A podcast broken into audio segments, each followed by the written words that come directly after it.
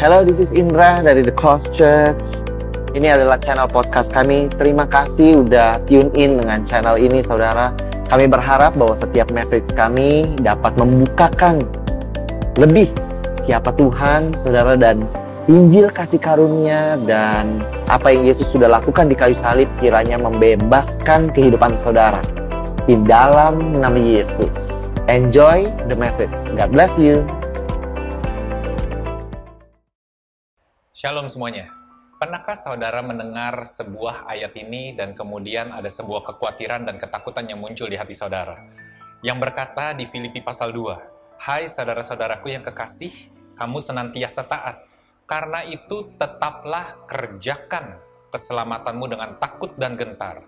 Bukan saja seperti waktu aku masih hadir, tapi terlebih pula sekarang waktu aku tidak hadir Pernahkah saudara mendengar ayat ini dan kemudian berpikir bahwa jika saudara tidak mengerjakan keselamatan saudara, maka keselamatan saudara pun akan hilang.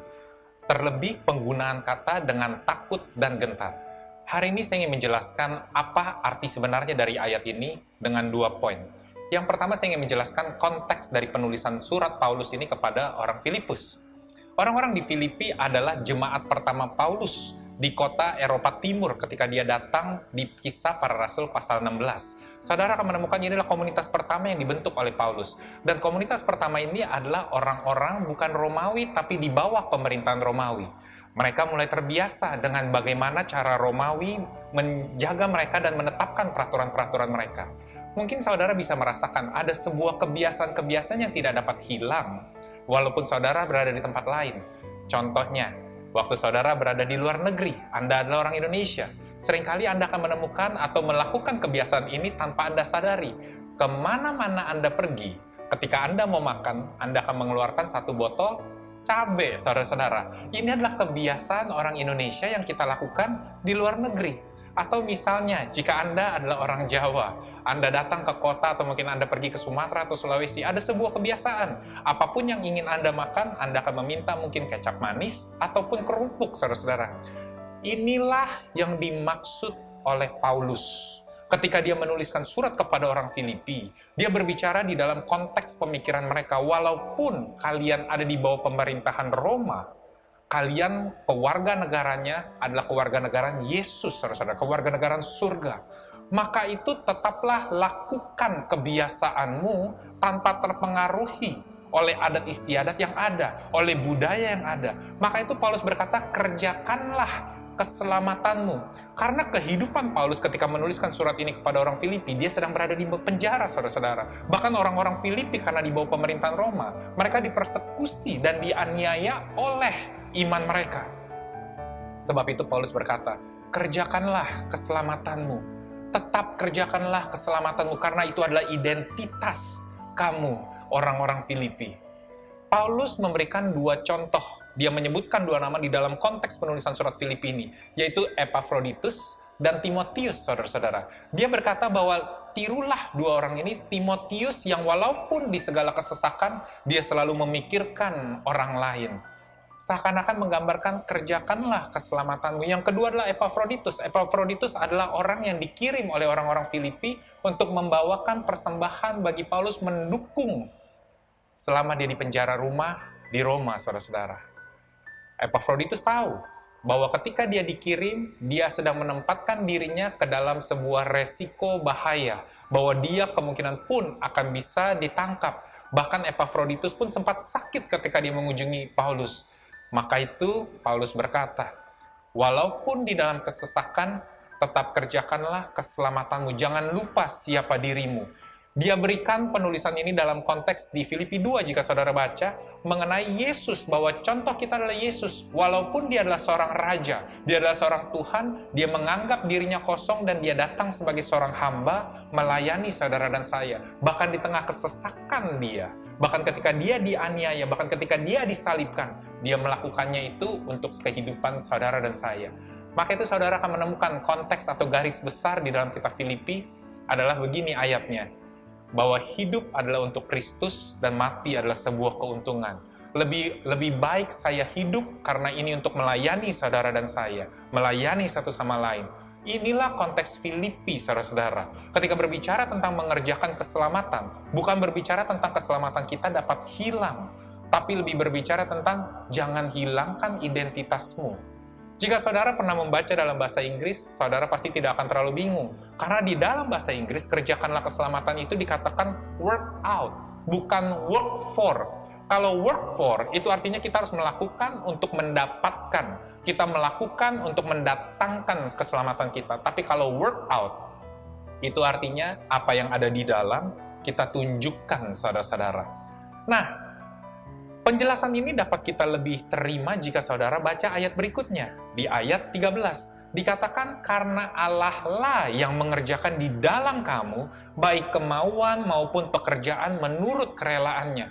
Bahwa kerjakanlah keselamatanmu itu adalah buah dan bukan akar akarnya adalah pekerjaan yang dilakukan oleh Kristus di dalam kita, saudara-saudara. Inilah konteks dari Filipi. Jadi hari ini saya berharap saudara bisa tenang, bisa mendapatkan penjelasan bahwa kerjakanlah keselamatanmu bukanlah sesuatu yang kita lakukan untuk mendapatkan, tapi lebih ke arah siapa diri kita dan kita tunjukkan. Inilah identitas kita.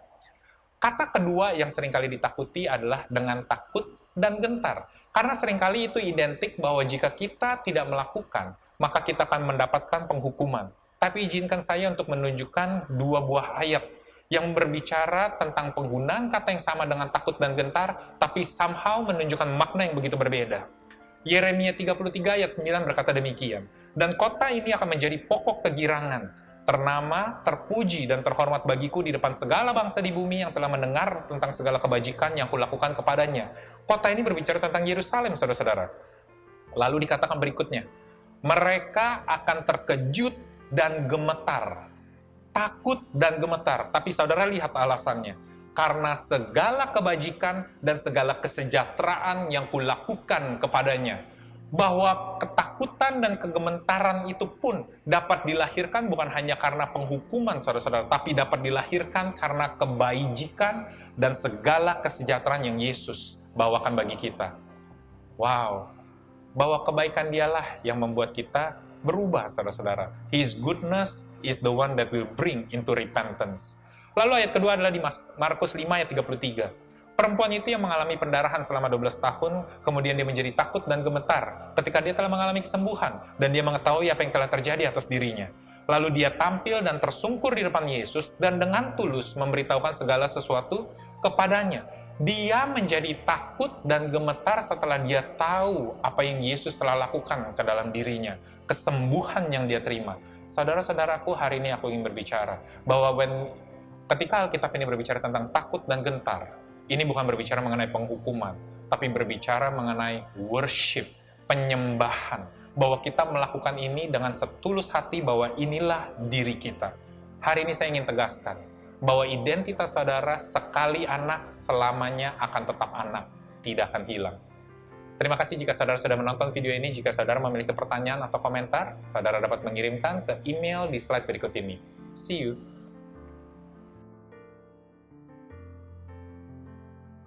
Hai, saya Julian Chong dari The Cause Indonesia Church dan ini adalah channel YouTube kami. Saya mau berterima kasih karena sudah bergabung dengan kami hari ini. Saya berharap apa yang kami bagikan menginspirasi Anda, membangun iman Anda, dan juga memberikan perspektif tentang bagaimana Tuhan bergerak di dalam kehidupan Anda. Saya percaya video hari ini sudah memberkati Anda. Maka itu jangan lupa untuk suka dan sebarkan video ini ke teman-teman ataupun keluarga Anda. Serta berlangganan dan juga menyalakan lonceng pemberitahuan di bawah ini untuk mendapatkan update akan video-video terbaru dari kami. Sekali lagi, terima kasih dan jangan lupa nonton video kami yang lain di channel kami. Sampai jumpa di episode yang lainnya. Shalom.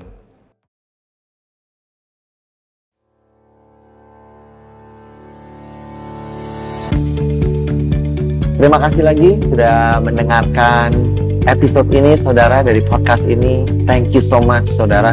Saya berharap bahwa Injil kasih karunia dan apa yang Yesus sudah lakukan bisa membebaskan kehidupanmu, saudara. Kalau saudara diberkati, saya mengundang saudara untuk share, saudara, um, sermon ini baik secara pribadi pada your friends and your family, saudara. atau you can screenshot dan kau bisa bagikan kepada sosial media saudara dan jadilah terang saudara. I hope um, message ini melalui saudara bisa memberkati lebih banyak orang lagi. Dan kalau saudara diberkati, saya mengundang saudara untuk subscribe kepada channel podcast ini. Again, I want to thank you. Berterima kasih kalau saudara mendengarkan dan mengizinkan dirimu diberkati dari apa yang kami lakukan. Terima kasih, Tuhan berkati. God bless you and bless you and bless you again. In Jesus' name. Amen.